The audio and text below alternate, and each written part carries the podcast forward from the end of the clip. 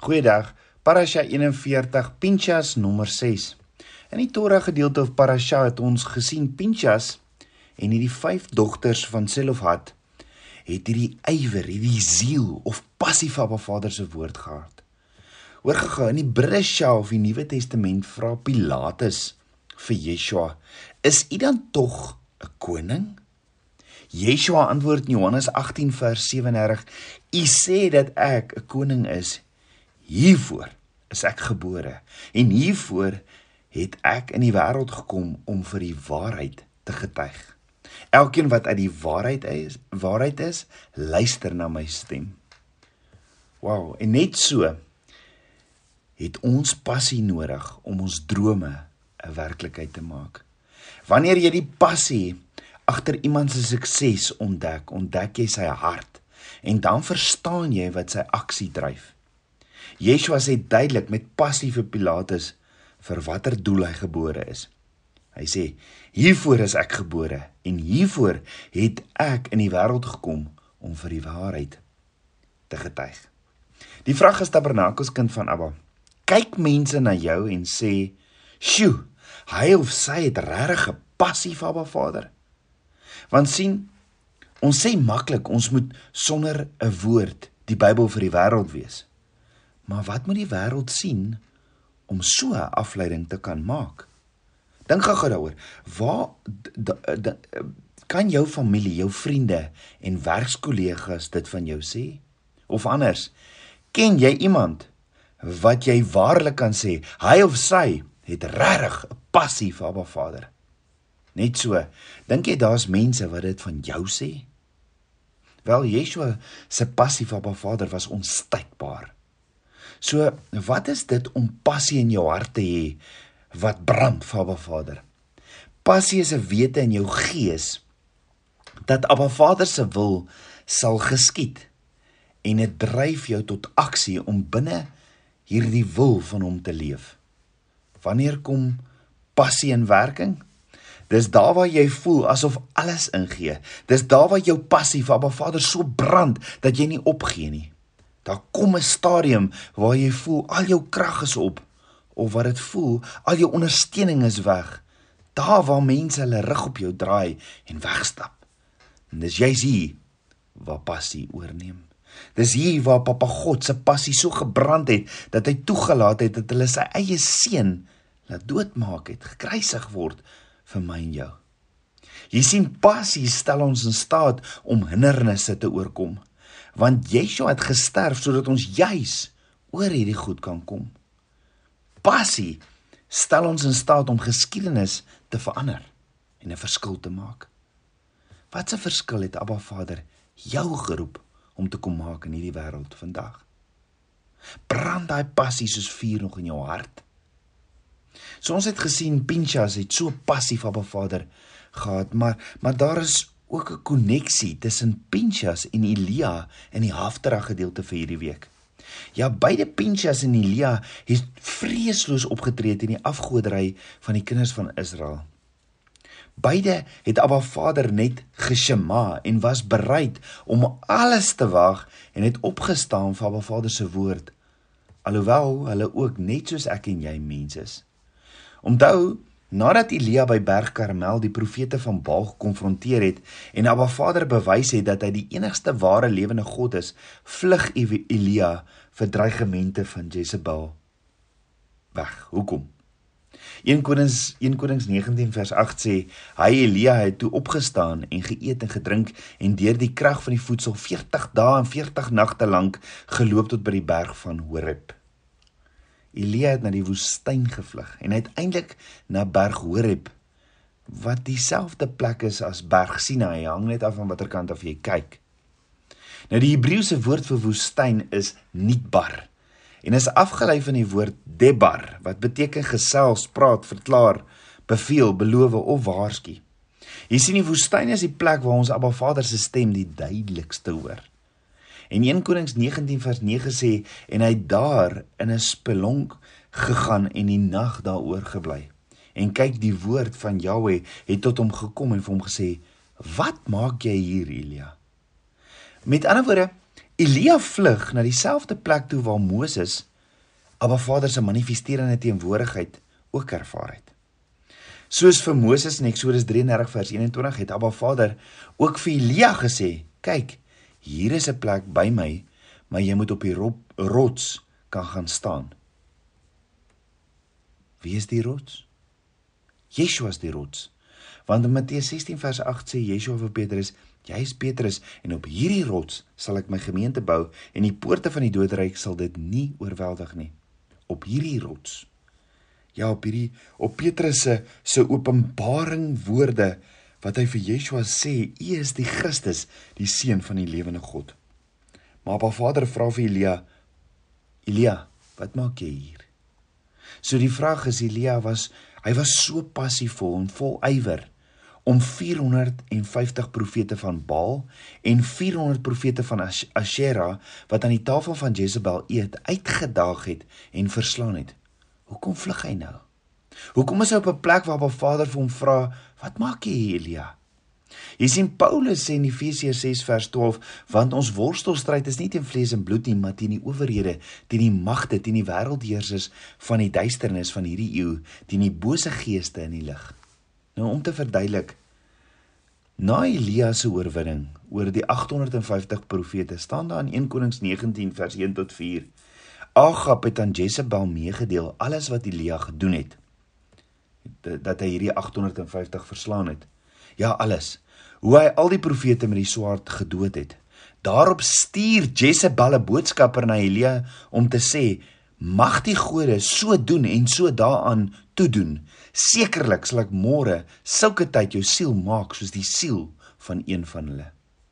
Toe hy dit sien, het hom klaargemaak ter wille van sy lewe weggegaan en toe hy in Berseba in Juda aangekom het het hy sy dienaar daar laat agterbly maar self het hy 'n dagreis ver die woestyn ingegaan en daar onder 'n besembos gaan sit en gewens dat hy mag sterwe. En hy sê dit is genoeg. Neem nou my siel weg Here want ek is nie beter as my vaders nie. Elia het onder die besembos gaan sit en wens dat hy mag sterwe. Was Moses nie ook daar by so 'n soortgelyke plek toe hy vir Abba Vader gesê het in Numeri 11 vers 13 tot 14: Ek alleen kan hierdie volk nie dra nie want dit is vir my te swaar. En as u so met my wil handel, slaan my dan maar liewer dood as ek genade in u oë gevind het en laat ek my ongeluk nie aansien nie. Die vraag is, wat is dit wat Elia so moedeloos gemaak het? Was dit regtig die stem of boodskap van Agab se vrou Jezebel? Hy het met soveel passie en ywer opgestaan vir Abba Vader op Berg Karmel teen 850 profete. Hoekom is hy nou op 'n plek waar hy waar hy eerder wil sterf?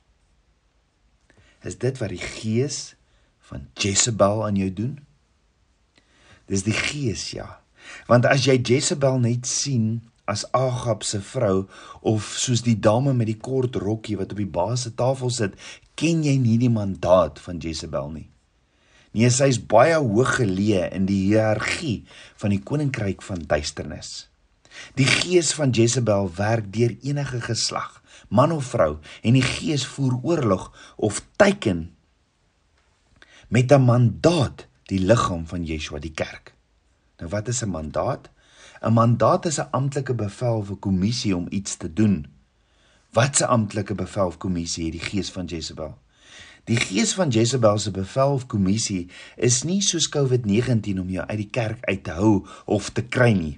Nee, die gees van Jezebel se mandaat is om die liggaam, die kerk van Yeshua louwarm te maak. Hoekom wil die gees die kerk louwarm maak?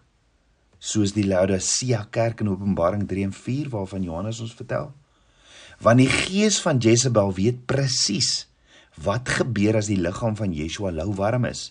Die gees weet baie goed. Abba Vader sê in Openbaring 3 vers 15 tot 16 ek ken jou werke dat jy nie koud is en ook nie warm nie. Was jy tog maar koud of warm? Maar nou omdat jy lou is en nie koud of warm nie, sal ek jou uit my mond spoeg.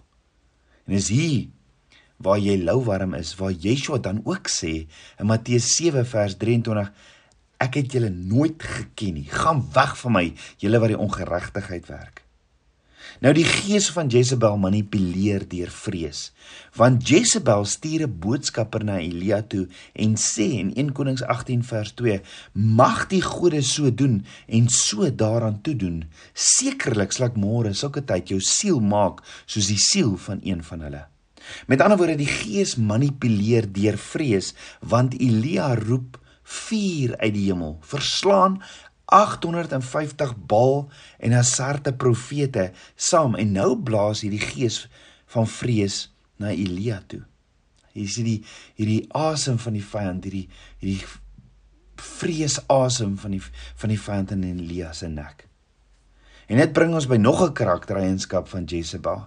En dit is die gees sal alles doen om jou te stop om die roeping te leef wat Abba Vader vir jou het. Ook Jezebel spesialiseer in manipulasie en vleitaal of seduction soos in Engels dit sal sê.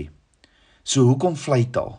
Want vleitaal gee die gees toegang tot jou hart. As die gees toegang het tot jou hart, saai die gees saad van onmin, seer, agterdog en verwoesting. Jezebel se werk is om mense weg te trek van waar Abba Vader se woord in waarheid verkondig word. En daarom haat die gees ook aanspreeklikheid, accountability. Sodra jy iemand met die gees van Jezebel aanspreeklik hou, dan is daar oorlog teen die woord se beginsel van onderwerp jou aan die liggaam, owerheid en leierskap, aan die kerklike owerheid en leierskap en wees aan mekaar verantwoordelik. Hoekom? Want is presies teenoor die mandaat dis die teenoorgestelde van die mandaat van Jezebel om die kerk te te lou warm te maak. En daarom begin Jezebel altyd met 'n bediening in 'n bediening. En dis juis om skering te bring want die gees kan nie onder kerklike autoriteit staan nie. Nog karaktereienskappe van die gees is die gees bewerkstellig sielsbande. Jezebel verkoop die gawes van Abba Vader ook. Met ander woorde, die gees gebruik Abba Vader se gawes as voorraaditems. En die Gees kry die liggaam van Yeshua dan lou warm deur afgodediens en hoogmoed. Dan ook oorsensitiwiteit is die gees van Jezebel se kleed. En Abba Vader het ons nie geroep om oorsensitief te wees nie, maar om soos soos ons rots Yeshua onvoorwaardelik op te staan en te sê hiervoor is ek gebore en hiervoor het ek in die wêreld gekom om vir die wêreld van die waarheid te getuig. Tabernakels kind van Abba.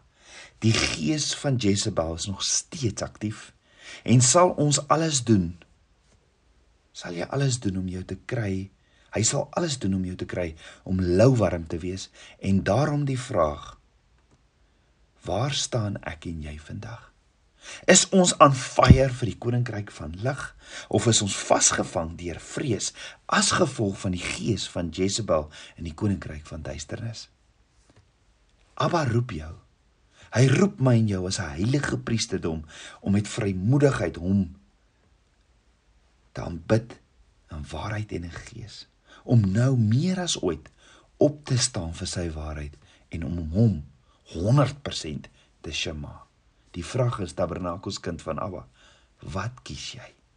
Kom ons bid saam. Abba Vader, koning van my hart, Abba ek loof en ek prys U. Abba kom deur grond my hart.